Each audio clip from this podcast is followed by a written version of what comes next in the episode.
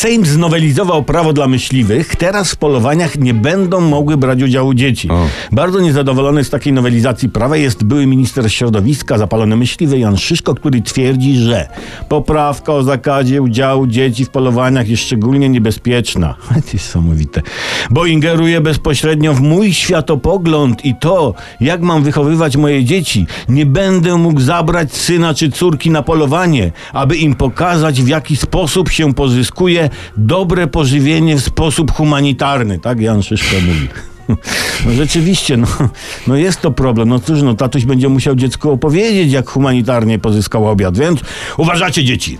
Widzę, zając biegnie. To ja mu mówię, zając, jak ja ciebie szanuję i kocham i bach, bach. I wiecie, tylko nogami majtną w powietrze, bo was, wasz tatuś musicie wiedzieć macela. Później dzieci idę lasem. Patrzę, piękna, urocza sarna. No ale no nie miałem czasu jej podziwiać, bo musiałem ją zastrzelić, gdyżby mi uciekła. No ale jest też inny sposób e, niż polowanie, żeby pokazać dzieciom humanitarne pozyskiwanie pożywienia. Można je wziąć na żniwa na przykład i pokazać, jak rolnicy koszą zboże, młócą, albo do sadu je wziąć, żeby poobserwować, jak jabłka rosną. Słuchajcie, jasne, każde pozyskiwanie mięsa nie jest ekstremalnie humanitarne. No może poza kupowaniem mięsa w sklepie, no.